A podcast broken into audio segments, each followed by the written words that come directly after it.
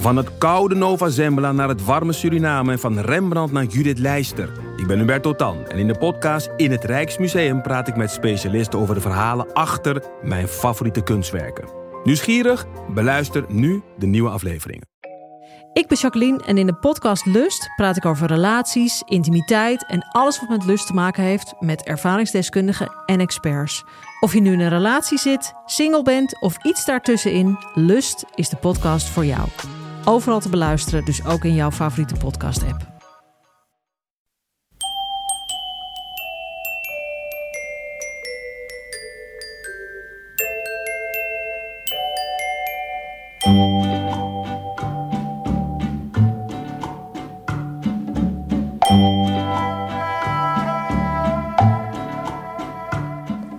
Welkom bij aflevering 10 van de Echt Gebeurd podcast, waar waargebeurde verhalen worden verteld door mensen die het zelf hebben meegemaakt.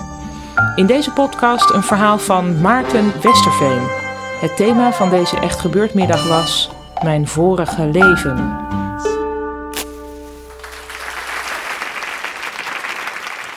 Mijn langste uh, vorige leven is toch wel mijn leven als uh, maagd geweest. Um, mij eigenlijk veel te lang. Um, ik wist dat ik dat niet wou zijn vanaf het moment dat ik ooit in de jaren tachtig, lang geleden, uh, een Chiquita-reclame zag. En misschien kan iemand mij hier helpen. Het was op een boot en een meisje in een bananenrokje met een kokosnotenbikini uh, liep over dat schip heen, achterna gezeten door mannen. Um, en ik hoopte altijd nog dat bikini-meisje tegen te komen. Mensen die toevallig dit nog op videoband hebben of Betamax... Uh, alsjeblieft, uh, laat het straks um, even aan mij weten. Um, maar ik, um, uh, ik was maagd en dat had een aantal redenen. De eerste was, ik was, was ben ongelooflijk preuts. ik weet dat mijn moeder ooit een dappere poging had gewaagd om uh, mij voor te lichten. mijn moeder nam haar verantwoordelijkheid en begon te vertellen. En halverwege heb ik dat afgekapt. Ik zei, oh, hou maar op. Dat is nog veel erger dan ik dacht. Ik, ik, ik hoorde het aan en ik, ik werd zo... Ik, ik, wat als je naar de wc moet, was het eerste wat ik dacht. Uh, dat, dat moest een gruwel zijn. Uh, dus dat hielp niet. Um, ten tweede, ik had een totaal verkeerd uh, dieet. romantische voorbeelden tot mij genomen. Um, als eerste Sherlock Holmes. Ik ben altijd een groot Sherlock Holmes fan geweest. Die deed sowieso niet aan vrouwen. Uh, dat hielp niet en deed vooral afstandelijk en cool. Maar ik heb begreep, wel dat dat dan weer vrouwen ontzettend aantrok. Um, voor de rest heel veel Errol Flynn films gezien. Ivanhoe, Robin Hood. Vroeger werden die op zondag uitgezonden. En ik wist één ding zeker, zo hoort het te gaan. Um, uh, de juiste gezichtsbeharing eerst. Een goede boom om vanaf te slingeren aan een touw ten tweede. En dan een goed zwaardgevecht om de deal te, te bezegelen.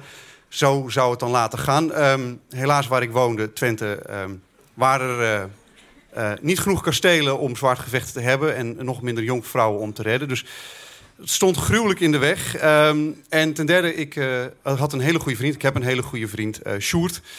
En Sjoerd um, was, net als ik, hopeloos verlegen en veel te preuts. En Sjoerd en ik hebben nooit tegen elkaar verteld dat wij eigenlijk hetero waren. En dat hebben wij onze hele middelbare schooltijd voorgehouden... Dat hebben wij nooit besproken. Um, er is één keer een moment geweest dat, uh, dat, dat we misschien allebei begrepen dat we het waren. We zaten uh, op school uh, onze lunch te eten. een krentenbolletje, als iemand zich afvroeg. En ik, ik zat naast Sjoerd en verderop in de hal zat een, een, een, heel erg mooi meisje.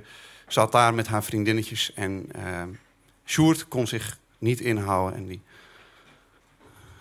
staarde zo een beetje. En ik kon het echt niet helpen. Ik begreep het ook wel. En ik was wat schichtiger, dus ik keek dan af en toe ook nog even zo, zo om me heen... alsof het me niets kon schelen. En um, uh, op een gegeven moment had ze het door, dat Sjoerd keek. En toen gebeurde datgene wat we eigenlijk wel wisten dat zou gebeuren... maar we toch stiekem nooit echt rekening mee hadden gehouden. Um, zij maakte een gezicht. Nou, ik kan u vertellen dat heeft sowieso nog vijf jaar maagdelijkheid gegarandeerd. Dat was... Eh, mensen hoeven nooit... Uh, bedoel, geen condooms hoefden verstrekt te worden voor al die tijd. Het was uh, veiliger dan dat kon het niet. Wij wisten het. Wat haalden we ons ook in het hoofd? Dat hadden we nooit aan moeten beginnen. We hadden al te veel hoogmoed getoond... door alleen maar te denken aan interesse tonen.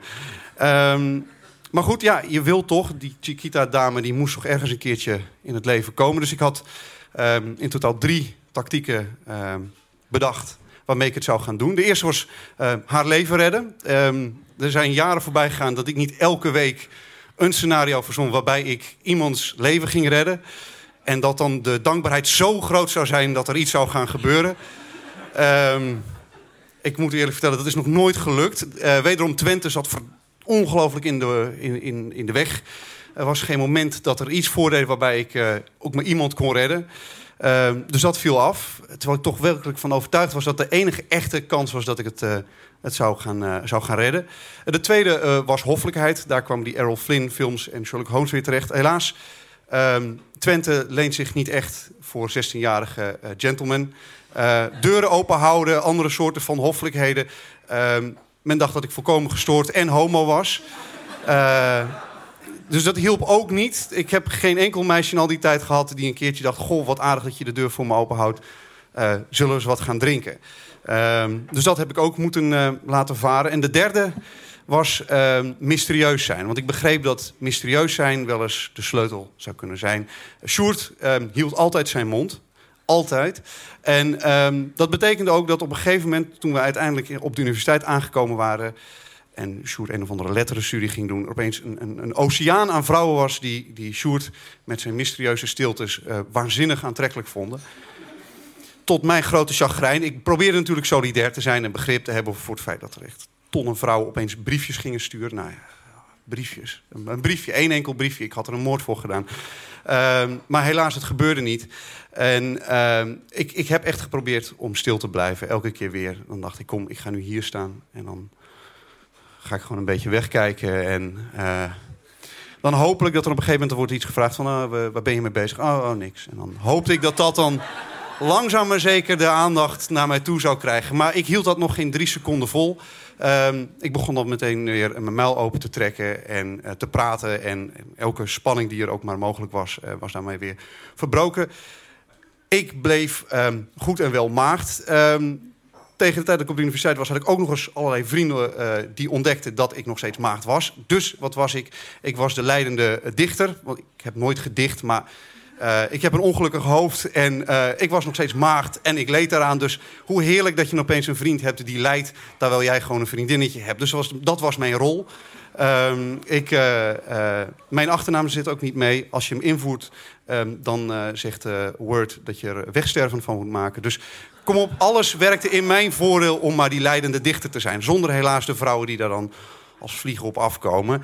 Um, en dat is behoorlijk rampzalig. Um, op een gegeven moment, gelukkig, um, ging ik, uh, was ik uitgenodigd voor een feestje. En uh, ik zou daar met mijn, mijn vrienden naartoe gaan. Sjoerd was gelukkig op dat moment in het buitenland. Ik ging er met mijn andere vrienden naartoe. Maar die bleken allemaal stuk voor stuk te lamlendig te zijn om op te dagen. Dus ik zat daar op een feestje uh, doodsbang, want ik was in mijn eentje. En er waren allemaal vrouwen die ik niet kende.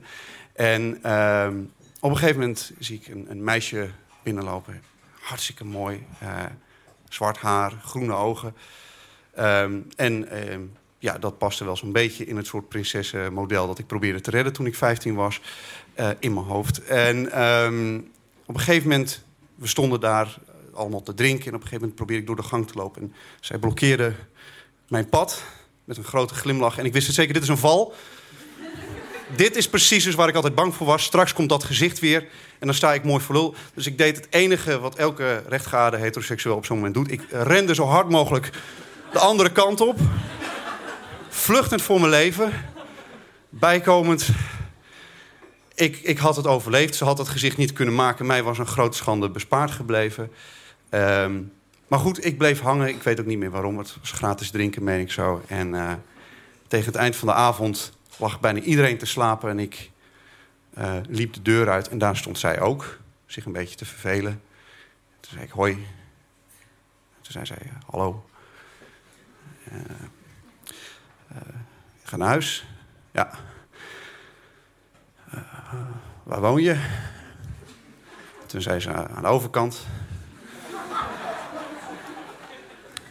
En toen, ik weet werkelijk niet hoe het is gegaan... alsof de kosmos gewoon eens een antwoord aan mij bood. Al die lessen over hoffelijkheid, rozen, deuren openhouden... liefelijke woordjes, complimenten, het verdween allemaal. Ik pakte er in één keer op en ik droeg er naar de overkant van de straat. En daar, dames en heren, ben ik voor de eerste keer genomen. Het was glorieus. Het was... Het was ik was natuurlijk zenuwachtig, want ik had ook allerlei regels gehoord over hoe dat moest. Er stond een klokje, ik zal het nooit vergeten. Er stond een klokje. Na de tien minuten dacht ik, yes! Want dat was het eerste wat je altijd hoorde, dat het de eerste keer over was in een seconde. Toen ik eenmaal die mijlpaal had gehaald, vond ik het eigenlijk ook allemaal best. Uh, dat konden ze me niet meer afpakken. Uh, dus voor mij is er een duidelijk leven voor en een duidelijk leven na. Uh, dat oude leven kan ik ook niet meer naar terug. Maar ehm, het is gebeurd, het is gelukkig uh, niet onopgemerkt gebleven. Dank jullie wel.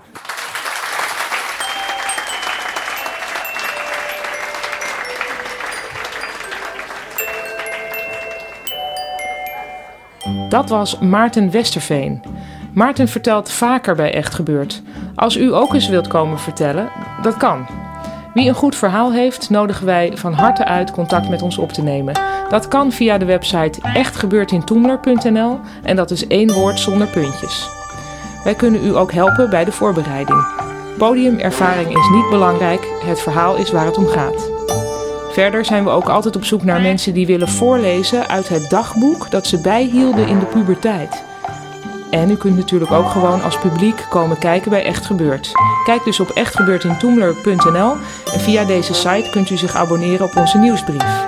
En we zitten lekker ook op Facebook. De redactie van Echt Gebeurd bestaat uit Micha Wertheim, Rosa van Dijk, Jan-Jaap van der Wal en ikzelf, Paulien Cornelissen.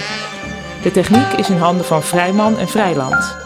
Bedankt voor het luisteren en bedenk, een ontmaagding wordt nog leuker als je er later over kan komen vertellen. Tot de volgende podcast.